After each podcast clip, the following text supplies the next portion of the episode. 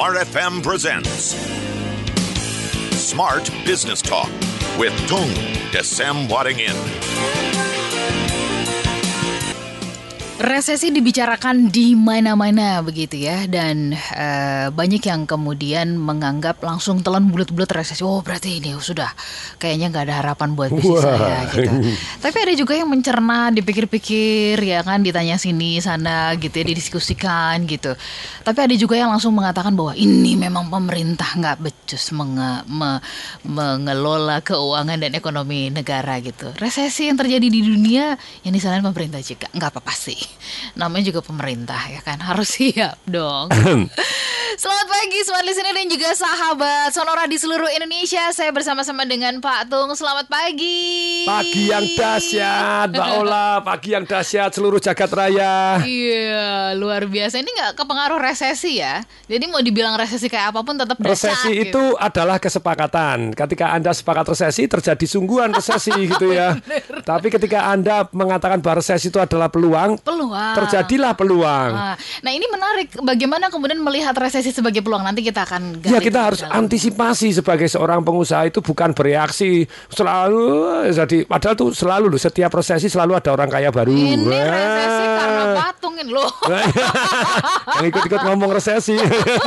Padahal enggak lo, Pak Jokowi pada waktu beberapa waktu yang lalu di wawancara satu setengah ya. tahun lo ya, ini bisa berbahaya resesi dunia, efeknya sama Indonesia harus siap-siap. Bu Sri Mulyani juga kemarin saya pulang habis triathlon itu di koran juga disebutkan bahwa perdana menteri Singapura bilang ini sudah sudah weather is change kalau versinya Pak Jokowi winter is coming katanya gitu. Winter ya. Oke. Padahal kita lagi musim panas ini. iya, tetap di sini dingin nih pakai. Oh, iya. oh di pakai studio jaket. winter memang. di Iya, studio, ini winter. semua pakai jaketan semua. Oke, Yes. smart listener dan juga sahabat sonora di seluruh Indonesia, kondisi resesi. Nah, pada saat kondisi resesi ini, cash is king atau cash is trust, ya. Jadi sampah, atau raja nih. Atau raja Bagaimana nih. Ah. Masalahnya kita sekarang cash susah loh, karena semua pakai kartu kan. Oh iya, sudah tidak ada cash itu. Oke, tapi Ya, ini oke. mau bicara tentang apa? Pak Tung, boleh diawali kondisi resesi itu apa kaitannya dengan cash dulu nih? Apa kaitannya dengan cash sehingga kemudian ada perbedaan antara cash is the king eh, ini di dalam kondisi resesi cash is the king atau cash is trust? Silakan. ya, jadi dalam kesempatan ini perlu kita sampaikan bahwa yang nomor satu dulu ya. Resesi itu adalah kesepakatan. Contohnya begini, ketika Anda bahwa sepakat bahwa hari ini resesi, Anda mau ekspansi nggak? Hmm. Nggak. Mau beli mesin lagi nggak? Nggak. Mau rekrut karyawan lagi nggak? Nggak. Hmm. Kenapa? Karena Anda merasa bahwa ini resesi gitu ya. Hmm. Jadi menurut saya ketika semua orang sepakat resesi terjadilah resesi. Hmm. Berarti butuh orang-orang yang sangat positif bisa melihat silver lining. Bilang dong, apa itu gitu. Oke, apa itu?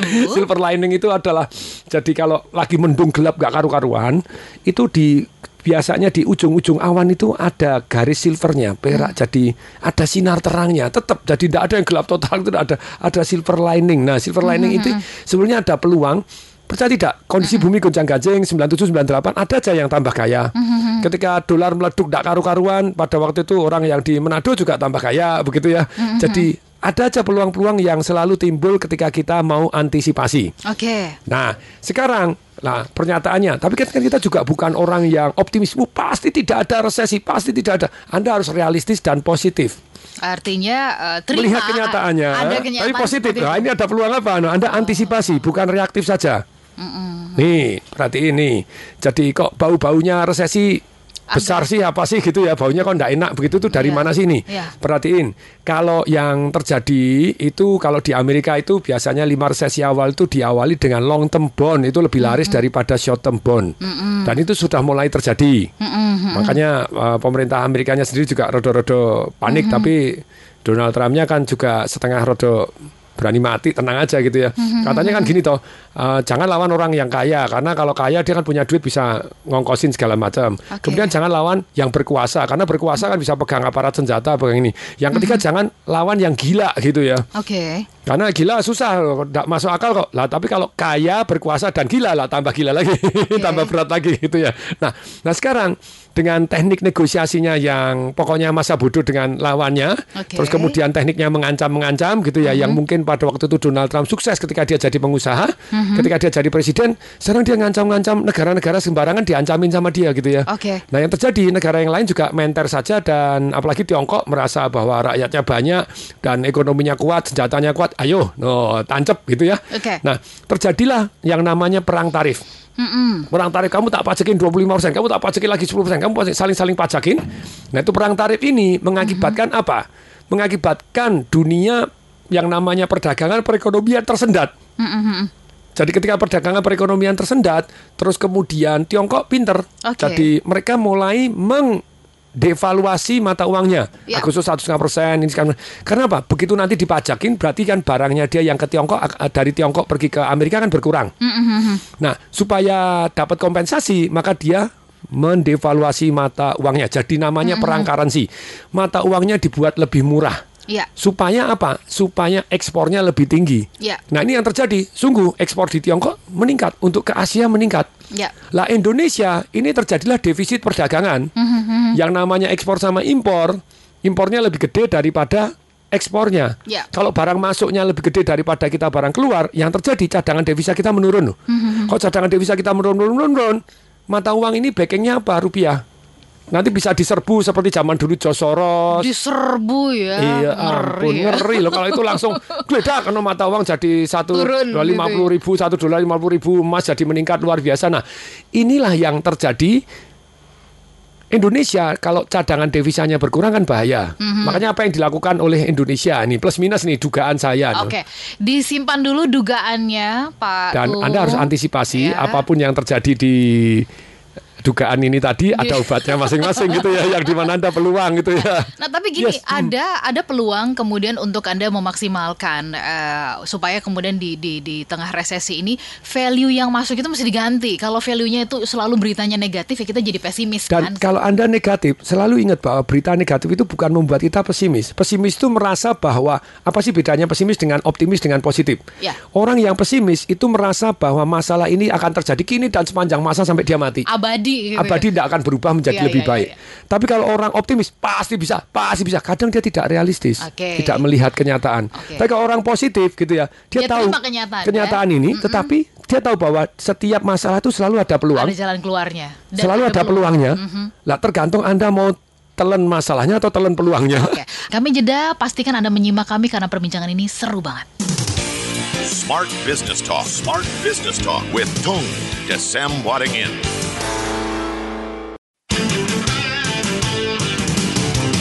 Smart Business Talk. Smart Business Talk with Tung Desem Wadingin. Smart listener dan juga sahabat Sonora di seluruh Indonesia. Pagi hari ini kita membahas mengenai dalam kondisi resesi cash is the king atau cash is the trust. Sebelum ini lebih lanjut tadi Pak Tung di awal tuh membahas supaya eh, sedikit mengingatkan kita mengenai perbedaan pesimis, optimis dan juga orang yang positif ya. Ya. Apa sih yang Pak Tung duga-duga tadi? Ya, jadi dugaan saya untuk mengatasi defisit neraca perdagangan ini, presidennya siapa pun sih, defisit Iya. juga gitu ya. Nggak ngaruh ya? Nggak ngaruh karena memang memang memang memang memang situasi dunianya memaksa seperti ini. Yes. Bahkan seperti Singapura itu kita itu gini kalau di Singapura tuh jadi yang namanya ekspor itu Mm-hmm. 270% dari GDP-nya dia gross domestic product-nya dia. Mm-hmm. Di Indonesia cuma 17%. Jadi efek yang namanya ekspor impor ini di Indonesia tidak begitu terpengaruh dibanding di Singapura. Mm-hmm. Singapura mulai ekonomi mulai minus jadi tidak tumbuh. Oke. Indonesia masih tumbuh 5%. Jadi Indonesia sebetulnya oke lah, tapi kalau cadangan devisa berkurang terus ya not really nice. Pasti akan ada usaha untuk Menambah, menambahkan. Jadi ada lima itu ya dugaan saya. Apa langkah pemerintah? Satu akan memberikan yang namanya regulasi ataupun ikut perang tarif. Jadi barang-barang dimasuk ditarifin juga. Enak aja kamu masuk. Tapi kalau itu yang terjadi, hmm, jangka pendek doang, jangka panjangnya ekspornya juga berkurang. Kok bisa? Iya, iya, iya. Lah karena kita melarang orang lain atau majekin orang lain, orang lain kan berhak majekin kita sendiri toh. Ya kita masuk ke negaranya juga dipajakin Pasti juga. geti perang tarif Oh. terjadi ikut-ikutan gitu Oke. ya. Yang kedua, kita membuka peluang yang namanya investasi sebelumnya dari dulu gitu ya. Nah, investasi-investasi asing supaya masuk di Indonesia akan ada regulasi-regulasi supaya duit itu masuk. Jadi dengan duitnya masuk cadangan devisa kita kan meningkat. Ya. Nah, ini. Yang ketiga adalah dengan menggenjot ekspor. Menggenjot ekspor itu ya tidak semudah yang dibayangkan. Nanti akan ada pinjaman murah untuk yang pengusaha-pengusaha ekspor kan begitu. Terus aturan-aturan yang untuk ekspor dipermudah. Oke. Nah, semuanya seperti ini gitu Ya, ya. ya. Kemudian yang ketik yang keempat adalah utang ditambah. Nah, Udah utang kejadian. udah kejadian 5 miliar nambah. Nah, karena apa? Cadangan devisa ini kalau enggak bahaya gitu ya. Jadi Iya, ini iya. harus harus penting. Yang kelima akan cetak uang. Itu sebetulnya terjadi kalau saya salah tolong diralat. Kita Oke. diskusi ya. Yang paling penting jangan emosi, yang paling penting kebenaran dan cari solusi gitu ya. Zaman Pak SBY, zaman dulu lima tahun terakhir menjabat itu uang beredarnya nambah 80%. Itu saya cek di bi.go.id. Nah banyak orang yang berpikirnya gitu. Ya udah kalau misalkan duitnya kurang kenapa nggak nggak nggak cetak uang aja kan Nah itu gampang. itu itu gitu. yang terjadi zaman dulu itu dicetak itu untuk menyelamatkan negara. Nah ini loh Hmm. dicetak nambah 80% betul terjadilah inflasi dari waktu itu satu US dollar 9.000 jadi 13.500 ditarik pelan-pelan supaya Indonesia strong bukan kaget. Kalau kaget itu kan kayak oh kita 9.000 9.000 kelihatannya kuat kuat kuat kuat satu hari dihajar sama jebret oleh spekulan di gasak mata uang kita rontok jadi 50.000 kan sengsara. Jadi lebih baik dilepas pelan-pelan. Nah, lepas pelan-pelan. Nah, kalau Pak Jokowi ini nyetaknya kurang banyak nih dari Oke. dulu agak, agak agak dikit ini. Ya nggak apa-apa. Nah, tapi sekarang dengan Ini jadi bapak menyarankan kalau ketemu sama Pak Jokowi nyaranin dicetak. Itu kan lima. Oh, saya saran saya satu. Hmm. Ini perhatikan baik-baik. Kalau satu ini tidak perlu nyetak duit, kita punya cadangan devisa ber- bertambah, dapat pinjaman tanpa bunga ratusan bahkan ribuan triliun. Nih, Hmm. ini pemikirannya. Sebetulnya sudah saya sampaikan sih dua tahun yang lalu. Sekarang sudah mulai ada link aja, ada apa. Tapi not really fast enough. Harusnya gini loh, yang namanya kalau kita ngomong yang namanya OVO atau GoPay atau yang dana itu kan tanpa bunga kita. Hmm, Itu dananya katanya gitu ya, triliun-triliunan di bank. Gimana nggak tanpa bunga? Tanpa bunga. Kita kan tanpa bunga. Kita masuk ke OVO, masuk ke Grab, masuk ke OVO kan iya, tidak iya. dapat Iya, bunga iya. sama sekali. Iya, iya, kita nggak dapat bunga. Iya, betul betul. Nah, tapi dia naruh ke deposito ke BRI, ke Mandiri, Iya, ke mana? dapat bunga. Bunga tuh. Nah, bagaimana idenya ini seperti ini? Bagaimana Indonesia semakin kuat gitu ya, strong dalam menghadapi resesi dunia ini, bahkan tidak usah utang-utang.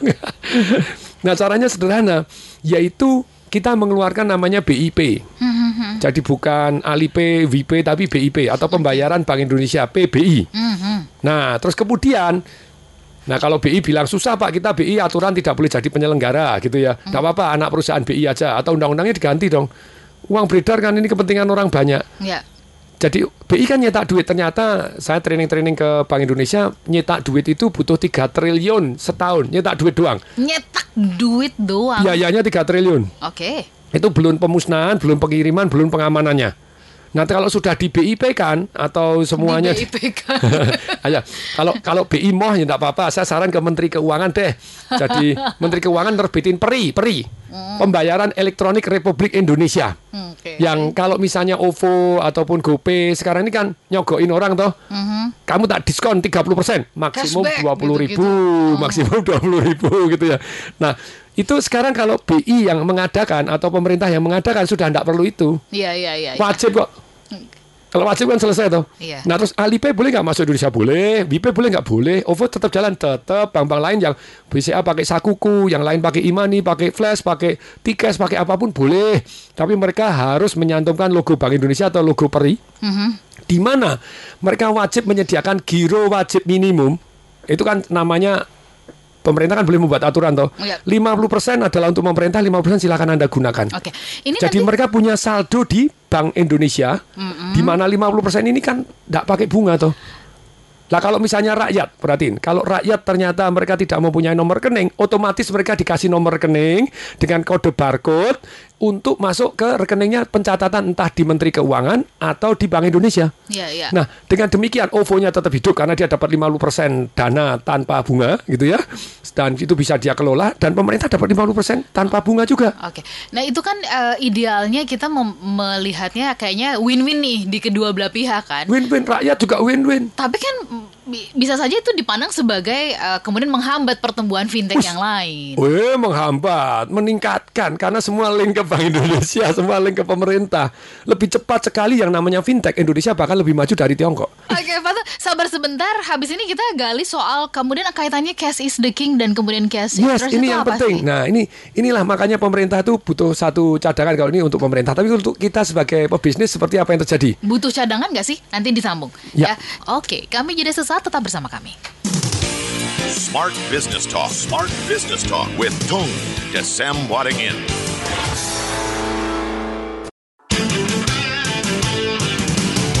Smart Business Talk. Smart Business Talk with Tung Desem Wadingin.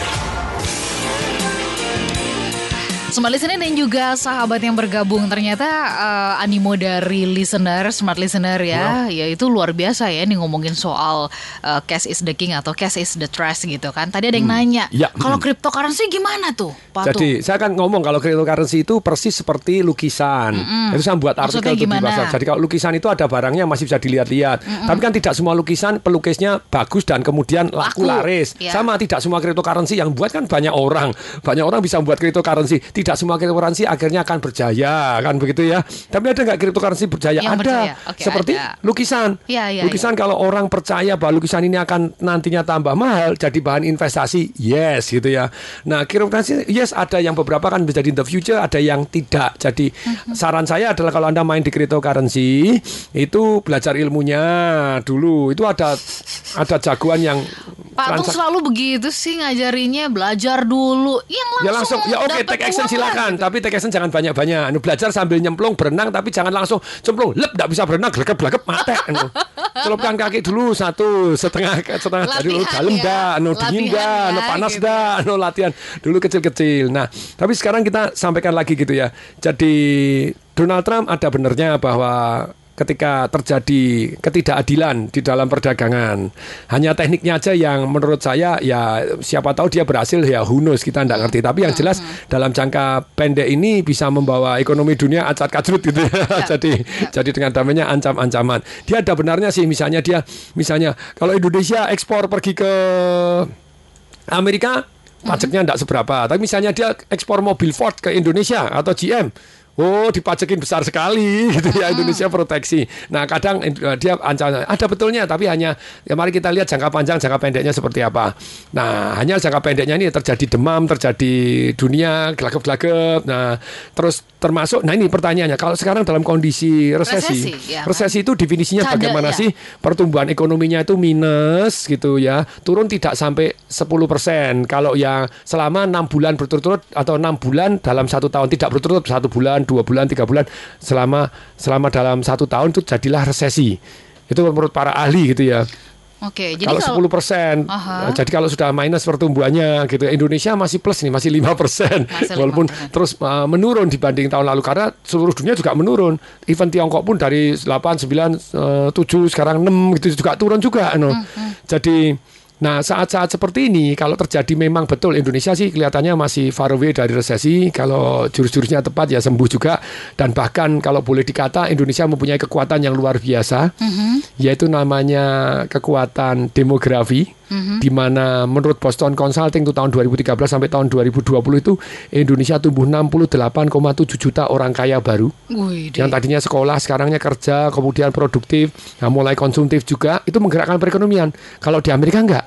Orang kaya baru. ya kalau Amerika itu orang kaya lamanya terlanjur tua yang yang baru nggak baru muncul-muncul. karena jumlah penduduknya yang produktif dan konsumtif berkurang sejak baby boomer selesai di tahun 1962 jadi kelahirannya boomingnya stop, terus imigran juga berkurang, akibatnya jumlah penduduk yang produktif di Amerika Today itu adalah kurang, dan di tahun 1929 polanya sama. Ketika terjadi resesi 29, apa yang terjadi pemerintah nyetak duit, nyetak duit, nyetak duit, duit tidak masuk ke real market tapi masuk ke saham, sahamnya meledak sampai 37 wanjlok tak karu-karuan 25 tahun saham di Amerika stuck. Nah ini kejadiannya sama 2008 bumi gonjang ganjing kemudian pemerintah Amerika cetak duit cetak duit cetak duit terus itu seru banget. Wah, mau angkanya? Tak kasih angka deh. Zaman zaman Bill Clinton eh, eh, zaman presiden Washington sampai Bill Clinton 42 presiden Amerika itu nyetak 856 miliar US dollar uang tunai. Bush Junior itu 8 tahun nambah 4000 miliar. 856 miliar sekarang tambah 4000 miliar. Satu presiden gendeng enggak? Mm-mm. Terus utangnya nambah utang presiden 1 sampai Lebih lebih 42 dari itu Donald Trump ya. Dua 2000 ini Donald Trump melanjutkan dirinya. 2000. Lalu Obama aja melanjutkan kok Anda Oh, bilang gitu ya. Jadi gini. dua 42 presiden itu nyetak uang 856 miliar US dollar. Presiden keempat, tiga sama keempat buat Bush Junior sama Obama itu nambah lagi 8.000 miliar, 10 kali lipat uang beredarnya. Utangnya presiden 1 sampai 42 itu Bill sampai Bill Clinton itu 2 2 triliun atau 2000 miliar US dollar. Presiden Bush sama Obama nambah 16 triliun. Delapan kali lipat aja. Jadi tetap ya, sekalipun dia negara adidaya juga utangnya banyak Nah, terus ya. kemudian yang terjadi itu sahamnya mereka melejit toh gitu ya naik seperti tahun 29 itu dicetakin duit banyak, duit tidak beredar di ekonomi nyata tapi masuk ke saham. Sama sekarang kondisinya sama. Nah, ini apakah akan selama-lamanya sahamnya di Amerika seperti itu bagus? Kalau Tidak. menurut prediksinya ini no gitu ya. Iya. Bisa meleduk ini ya di tahun-tahun ini, tahun depan itu bisa meleduk. Nah, tentu saja si si siapa itu Om Trump ini akan mempertahankan karena 2020 kan coblosan lagi toh. Wah dia Iya, betul. do everything untuk supaya bertahan. Ambuh caranya gimana cetakin duit lagi, sapu saham lagi, eh, sahamnya sapu lagi sampai orang tidak percaya sama duit Amerika. Hmm, Nah, kalau sampai tidak percaya sama duit Amerika karena duitnya dicetak terus dan nyapu sahamnya terus supaya sahamnya bertahan tidak rontok supaya tidak terkesan resesi. Nah. nah, itu Udah terjadilah. tahu triknya berarti. Nah udah tahu triknya. Nah, nah, sekarang pertanyaannya dalam kondisi ini Indonesia bisa terpengaruh terpengaruh. Nah antisipasinya adalah begini. Apa pun aturan pemerintah yang baru, misalnya membuka satu yang namanya peluang untuk investasi luar negeri. Nah kalau anda bisa membawa partner-partner dari luar negeri investasi di Indonesia, anda jadi kaya. Contohnya, Anda digenjot ekspor sekarang, ekspor dipermudah, Anda ikut di sana. Sesuatu hal yang pemerintah memberikan aturan. Contohnya, hari ini dari beberapa tahun yang lalu orang yang bergerak di RSS, tapi RSS itu jualannya gampang. Kalau Anda bisa monitor pembangunannya dan mendeliver mutu yang luar biasa bagus, tidak terkena korupsi kontraktornya, tidak korupsi pegawainya, Anda kan kaya di RSS karena RSS lagi disubsidi oleh pemerintah. Jadi antisipasilah di mana pemerintah ini membuat aturan. Gitu ya, itu antisipasinya. Terus berikutnya, kalau pemerintah utang dan kemudian juga ikut-ikutan perang currency, kalau enggak juga kondisi Indonesia berbahaya, peluangnya di mana? Ya, ya. Nah, pertama kali cash is the king. Nah ini, Oke. kenapa? Karena banyak orang yang tidak tahan. Ulangi ya, pertama kali di dalam masa-masa awal resesi Banyak orang yang tidak tahan. tidak tahan ekonomi jadi perusahaannya dijual, propertinya dijual, asetnya dijual. Itu peluang kalau anda pegang cash. Hmm. Nah, kalau anda pegang cash, cash is the king. Tadi saya WA-an sama teman saya yang di BCA, Cash di BCA. ah. Dia bilang, for me, cash is always the king. Saya bilang, kamu ndak nonton video saya yang kemarin di Kompas sudah komentar sembarangan. Saya bilang gitu. Karena begini, cash is the king itu di awal. Tapi kalau Anda pegang cash terus, terjadi inflasi yang luar biasa. Cash is stress. Cash adalah sampah. Oke. Jadi kondisinya kenapa disebut cash is the king itu di awal, tapi kalau itu terus menerus, Terus menerus Anda resesi apakah apalagi masuk ke depresi yang lebih dari dua tahun penurunan lebih dari 10% sampai 30%. Nah, itu Anda masuk masuk depresi, tapi ten- tenang aja setelah dua tahun ya balik lagi biasanya. itu yang tahun menyebabkan balik. inflasi tadi gitu ya. Nah, kalau sekarang Anda punya duit, pertanyaannya mau dibelikan apa ketika problem terjadi, ketika resesi? Nah, bank-bank hari ini banyak yang cesinya beredar ini depan saya Mas Dimas nih pakar cesi ini. Akhir tahun ini kan mau buang-buang kredit macet. Kalau enggak nanti tahun depan kalau dia kredit macetnya di atas 3% dia enggak boleh ngelepas kredit tuh. Jadi akhir tahun ini bersih-bersih kredit macet. Agunan yang diambil alih dijual-jual. Ini banyak peluang akhir tahun akhir tahun ini peluangnya luar biasa. Nah, pertanyaan saya, kalau Anda cash itu Anda beli aset yang tidak produktif, Ya kalau Anda tahan, Anda belinya bukan dari utang, Anda tahan, in the end of the day-nya tetap menang karena terjadi inflasi. Oke, tadi Pak Tung mengatakan investasi yang produktif. Maksudnya seperti apa itu? Yang Misalnya Anda bisnis yang jalan tanpa Anda. Banyak orang heran, Pak Tung ini dalam satu tahun kemarin saya baru ngomong, saya buka laundry eh, satu tahun tujuh bulan ini 60, ternyata sudah berapa? Sudah 63. Loh, kenapa? Karena itu mesin uang yang tahan resesi. Hmm. Maksudnya apa? Di saya perhatikan di Amerika di tahun 47 sampai di tahun 2019 ini terjadi resesi, terjadi begini, terjadi bumi gundangan, terjadi black black market, terjadi apa segala kok black market, black black Monday, black uh, Friday apa yang rontok sahamnya, eh laundry tetap bertahan. Ya, Sekarang jadi 300 ribu lebih.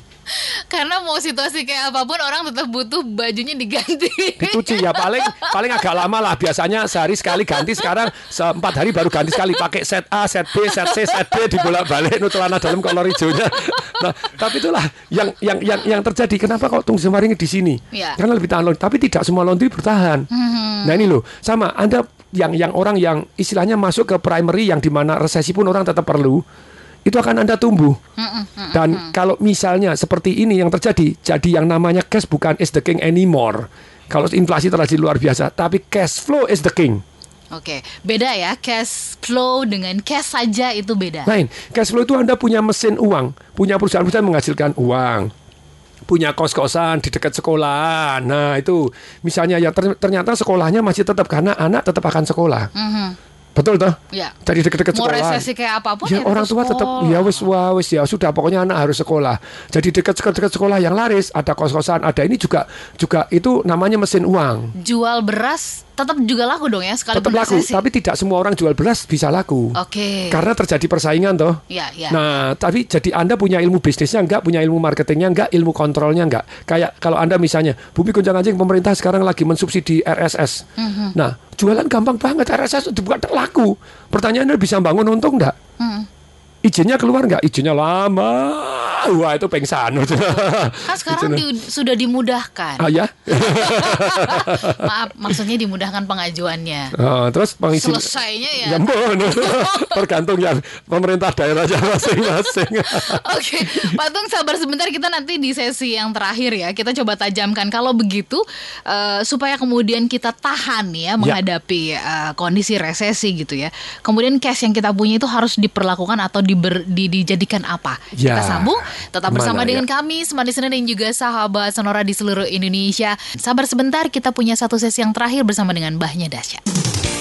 Smart Business Talk. Smart Business Talk with Tung Desem Wadingin.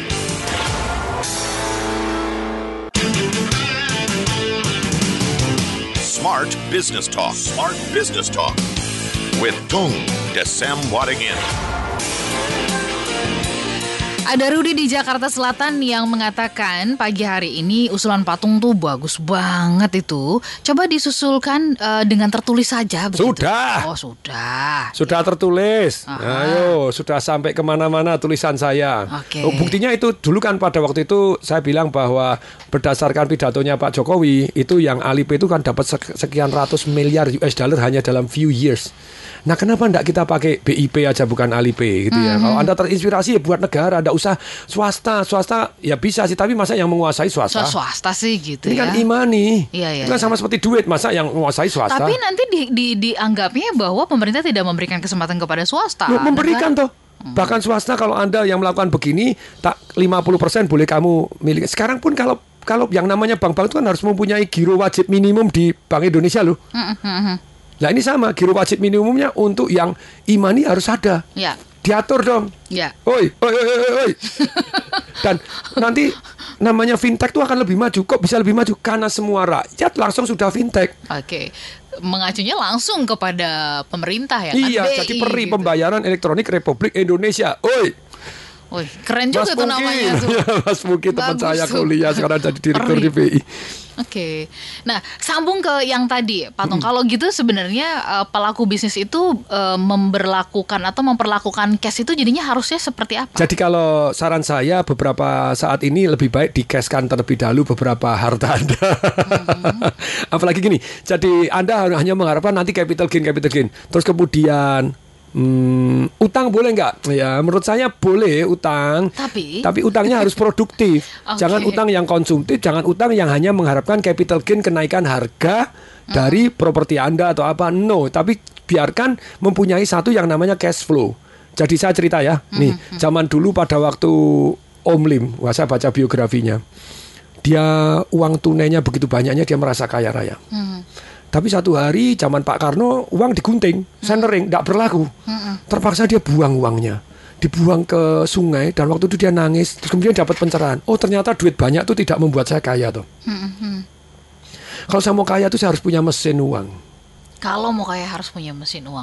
Ini bukan dalam pengertian mesin cetak. Oh bukan mesin cetak, oh iya. Ya mesin uang itu Anda properti disewa-sewakan. Oke, kos-kosan. Kos-kosan. Gini loh, mesin uang itu ada tiga ya. Saya saringkan dengan gampang sekali. Nomor satu adalah namanya paper asset. Reksadana yang menghasilkan dividen, saham yang menghasilkan dividen. Terus kemudian royalti, misalnya Anda nulis buku, ngarang lagu, Anda dapat royalti yang itu paper asset yang menghasilkan. Yang kedua adalah properti. Properti yang Anda sewakan, properti Anda bagi hasilkan, tadi seperti kos-kosan, seperti sawah yang produktif gitu ya. Ya, tidak semua kos-kosan produktif, tidak semua sawah produktif. Anda harus tahu caranya dulu itu, ilmunya dulu. Ya nyemplung sedikit boleh tapi ya jangan langsung plung tenggelam gitu kan. Yang ketiga adalah bisnis yang jalan tanpa Anda. Yang menghasilkan pasif income. Kalau Anda punya pasif income seperti ini, mesin uang seperti ini, mau inflasi misalnya, waduh terjadi ini mata uang eh, inflasi nggak karu-karuan, tidak apa-apa, sewanya kan juga naik, bagi hasilnya kan juga naik, mesin uang Anda kan jalan, tetap hasilnya naik juga. Ya. Jadi kalau Anda istilahnya naruh duit melulu ya bahaya gitu ya. Nah, sekarang berikutnya. Jadi tiga ini penting. Anda punya satu yang namanya paper asset, kemudian yang kedua properti, yang ketiga adalah bisnis yang jalan tanpa Tanpa Anda. Anda. Artinya autopilot ya. Oke. Ya, dan kemudian tahan resesi. Tidak semua bisnis tahan resesi loh. Nah ini cari jenis-jenis bisnis, Anda review kalau resesi ini apa. Kayak misalnya bank. Bank itu pada waktu resesi itu termasuk paling bahaya. Tanya dong, kok bisa? Kok bisa? Padahal Karena uangnya banyak. Uangnya banyak, tapi kan bukan uangnya dia. Dia terpaksa banyak, banyak deposito, banyak yang tunai yang ditarik. Ditarik. Sedangkan kredit banyak yang macet. Macet. Terima jaminan, jaminannya dijual harganya Murah. Rontok. Rontok. Iya. Nah itu bank termasuk asuransi termasuk bagus. Tadi sama asuransi boleh lah. anu. Kok bisa? Nah, karena asuransi itu kan orang bayar premi. Iya. Ketika resesi, orang mau tidak lanjut premi, tidak apa-apa, hilang. Hmm. Tidak bisa ditarik. Premimu kan hilang kalau asuransi. Ya, tapi asuransinya mendapatkan. Dan orang yang sudah terlanjur, mereka tidak kepengen hilang. Terpaksa mereka usaha apa pun untuk supaya preminya bayar juga. Kalau tidak bayar, preminya hilang. Mhm. Tapi kalau misalnya mereka tidak kepengen hilang, terpaksa tetap harus bayar. Jadi asuransi menang dan menang gitu ya. Keren toh? Loh ini analisa penting loh nih. Hei, gitu ya. Curang juga ya. Curang juga. Oke. Nah, klaim kan memang sudah diperhitungkan Iya, sama iya. dia gitu ya. Iya. Nah, tapi kembali lagi perhatikan bisnis-bisnis yang survive Mm-mm. Tadi salah satunya laundry. laundry, terus Ya kemudian kan? rumah makan, Kos-kosan. yes, rumah makan yang tetap laku, yang ini tetap ada, begitu ya. Nanti kalau rumah makan yang mahal ya kurang, gitu ya, karena agak surut orang akan lebih ngerem, gitu ya. Nah, tetapi dalam hal ini sekali lagi, lupa kalau saya mau usaha, ya sebenarnya lebih baik dengan orang-orang yang sudah terbukti berhasil. Kalau enggak, ya kita tes sendiri, sehingga mumpung masih ada kesempatan nih katanya kan sekitar satu tahun satu setengah tahun lagi ini em, resesi dunia gitu ya Pak Jokowi yang cerita bukan saya Bu Sri Mulyani juga tuh cari di berita-berita di internet terserah Bu Sri Mulyani tentang resesi no harus siap-siap no nah kalau ya tapi Indonesia still very good secara seluruh dunia Indonesia termasuk ekonomi yang very good Cukup bertumbuh ya. Kita pernah yang tidak punya bagus itu tadi kalau ribut melulu Oh iya. Ya bener juga. Kita punya pengalaman tahun 98. Bisa eh, melewatinya. tetap nah ini ada yang menarik. Apa pun yang terjadi resesi, tahukah Anda dari tahun 29 sampai hari ini 2019 itu di Amerika walaupun sempat stuck di tahun 1937 sampai tahun 65 itu sahamnya gak naik-naik gitu ya. Anjlok dan tidak naik-naik belum pulih-pulih selama 25 tahun. Tahukah Anda bahwa ternyata 74% waktu itu saham naik. Walaupun sempat anjlok, anjloknya dramatis tapi 74% saham naik. Memang tidak enak kalau Anda pegang sudah tinggi terus kemudian anjlok, Anjlok. diskon 70%, diskon 50%, terus nggak naik-naik. Itu problem. Kenapa? Coba perhatiin. Kalau saham Anda harganya 100, naik 50, itu berarti Anda naik berapa? Untung berapa persen? Separuhnya tuh. 50%. Nice. Kalau 100, rugi 50, rugi berapa persen? 50 persen. Enggak. Anda rugi 50% kan Oh, iya, berdasarkan iya. dari, Dari yang- modal Anda yang sudah hilang Iya, iya, tadi. iya. Tapi kalau Anda modalnya kan tinggal 50. Betul, betul. 50 supaya balik 100 harus naik berapa persen? 100 persen. 100 persen. Oke, saya ulangi kalau lebih lebih tajam lagi begini. Kalau 100 naik jadi 9 190, berarti untung 90 persen. Persen. Tapi kalau 100 rugi 90, rugi 90 persen. Enggak. Anda dari modal awal betul rugi 90 persen, tapi modal Anda kan tinggal 10 toh. 10 mau balik 100 itu harus naik berapa kali lipat? Harus naik 10 kali lipat. 190. Berarti 1000 persen. Iya. Kalau Anda untung naik 90, untungnya 90 persen. Tapi kalau Anda rugi 90 persen, Anda dari kekuatan Anda hari ini untuk naik balik lagi harus untung 1000 persen. Berat atau berat banget? Berat banget. Nah, makanya antisipasi. antisipasi. Hoi, hoi, hoi. Jadi salah satunya tadi dengan eh, apa Tung mengatakan bahwa eh, kita penting memiliki yang namanya mesin uang tadi gitu ya. Satunya paper aset, properti, bisnis yang eh, jalan tanpa kita, tapi yang memang teruji lewat di dalam masa-masa krisis karena tidak semua bisnis kena krisis selamat. Ya. Oi. Oke, Pak Tun kita sampai di penghujung eh, catatan penting buat para pa- para pelaku bisnis ini supaya kemudian satu nggak pesimis gitu ya, tapi kemudian bisa antisipasi, realistis, realistis, positif bahwa Ya. dan dan tentu saja gini loh. Mau ekonomi bumi gonjang ganjing, naik turun naik turun naik turun naik turun naik turun selama tidak terjadi perang, tidak terjadi ISIS. Hmm, hmm, hmm, bener bener bener. Loh, kalau negara perang kayak ISIS ekonominya maju gimana? Tidak bisa gitu ya. Iya. Nah selama Indonesia damai dan tetap bersatu, maju, mau naik turun naik turun tetap banyak naiknya karena Indonesia jumlah penduduknya yang produktif ini naik dan on the right trend infrastrukturnya jadi. Nah terus mulai banyak aturan-aturan yang on-on dibabatin gitu ya. Nah terus kemudian jadi ada sudut positifnya yang menurut saya di kemudian hari ini Betul, menurut lamaran apa itu IMF atau Bank Dunia itu Indonesia di tahun berapa itu akan menjadi top 2045. 5 besar bahkan empat besar di dunia. I believe that. Selama Indonesia masih bersatu, Damai. tidak ada orang yang tadi toh ya rodok Ya, wes pokoknya yang menyebarkan ya, ya. damai lah, Ya, jangan yang yang, mencurigakan damai hoax-hoax lah. ya yang yang yang damai lah itu ya kalau kalau kalau kalau kepengen menang sendiri kepengen benar sendiri pokoknya saya berkuasa enggak apa-apa yang penting berkuasa negara berantakan enggak apa-apa ya cilaka Ya. Oke, Pak Tung terima kasih Eh, tunggu dulu. Kita pamit, kita tos dulu lah supaya damai. yes damai damai beserta kita oke Smart listener dan juga sahabat yang bergabung, kami pamit saya Lanur Lija. saya Tung Desembaringin Salam dahsyat That was Smart Business Talk with Tung Desem Wadding In. Brought to you by Smart FM Network.